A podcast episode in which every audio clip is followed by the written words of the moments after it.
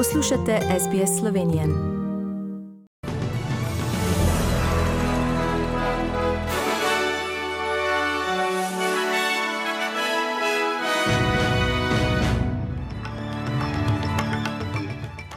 V poročilih 23. oktober 2021. Viktorija bo sledila New South Walesu in ustavila hotelsko karanteno novembra, voditelji članic Evropske unije končali dvodnevno zasedanje in v Sloveniji podelili naziv Inovativni mladi kmet 2021.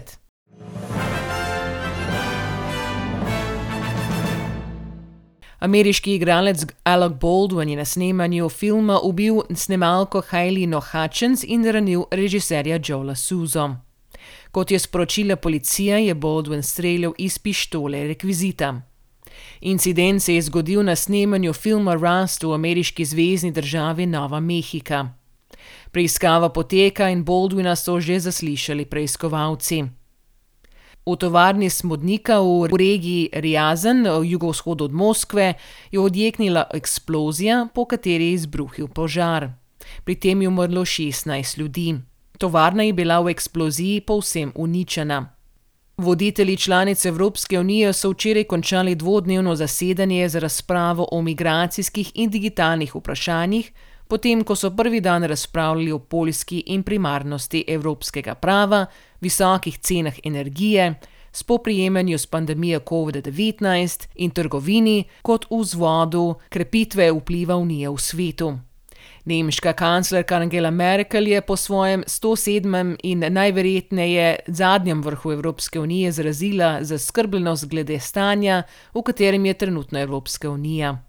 Predsednik Evropskega sveta Charles Michel pa pojasnjuje. Uh, it's important uh, indeed to address politically and to have a political dialogue. And that's why I can, I can um, repeat that we felt yesterday a strong political message from many leaders Evropska unija je preložila naslednji krok pogajanj o prosti trgovini z Avstralijo med napetosti zaradi preklica pogodbe od podmornica s Francijo. V zadnjih 24 urah so v New South Walesu zabeležili 332 novih okužb COVID-19 in dve smrti. Skoraj 84 odstotkov prebivalcev v New South Walesu je prijelo dva odmerka cepiva proti COVID-19. V Viktoriji pa so v zadnjih 24 urah zabeležili 1750 novih okužb COVID-19, od 72 tisoč testov in dve smrti. Viktorija pa bo ustavila karanteno za dvakrat cepljene potnike iz tujine, prav tako kot New South Wales.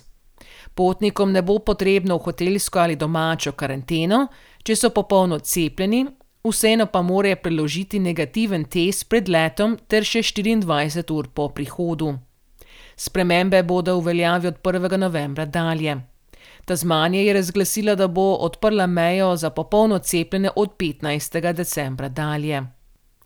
Mednarodni turisti pa bi morda lahko v Avstralijo potovali že naslednji mesec.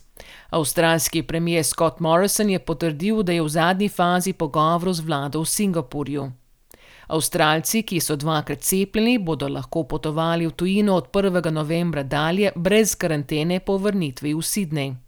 Avstralci pa bodo morda kmalo lahko tudi potovali na Bali. Tajska je potrdila, da bodo dvakrat cepljeni avstralski turisti lahko tja potovali od 1. novembra dalje brez karantene. V Sloveniji naziv Inovativni mladi kmet 2021 prijel Grego Slavec, ki izdeluje sladoled iz ekološkega kozjega mleka, pakiran v papirni, okolju prijazni embalaži. Naziv so mu podelili na slovesnosti v predsedniški palači v Ljubljani.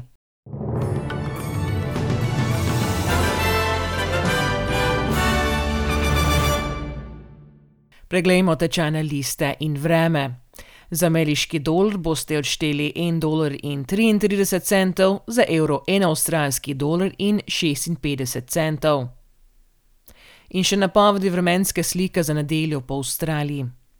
V Brisbaneu bo po večini sončno 35 stopinj, v Sydneyju bo dopoledne deževalo 21, v Cambridgeu bo delno oblačno 21, v Melbourneu bo občasno deževalo 15, v Hobartu bo deževalo 13, v Adelaidi bo delno oblačno 20, V Pertu bo po večini sončno 29 in v Darwinu bodo možne plohe do 34 stopinj Celzija. Vremenoslovci v Sloveniji napovedujejo, da bo danes dopoledne na primorskem zmerno do pretežno oblačno, popoldne se bo zjasnilo. Drugod bo dopoledne pretežno oblačno, ponekod bodo še možne rahle padavine. Popoldne se bo počasi jasnilo. Najvišje dnevne temperature bodo od 11 do 14, na primorskem do 19 stopinj Celzija. In to so bila poročila medijskih hiš SBS in STA.